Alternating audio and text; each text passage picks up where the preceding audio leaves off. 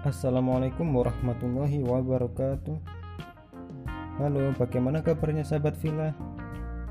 Semoga selalu dalam lindungan Allah Subhanahu wa taala. Amin. Gimana nih selama liburan corona ini? Apakah masih semangat kuliah online-nya? Wah, harus tetap semangat ya.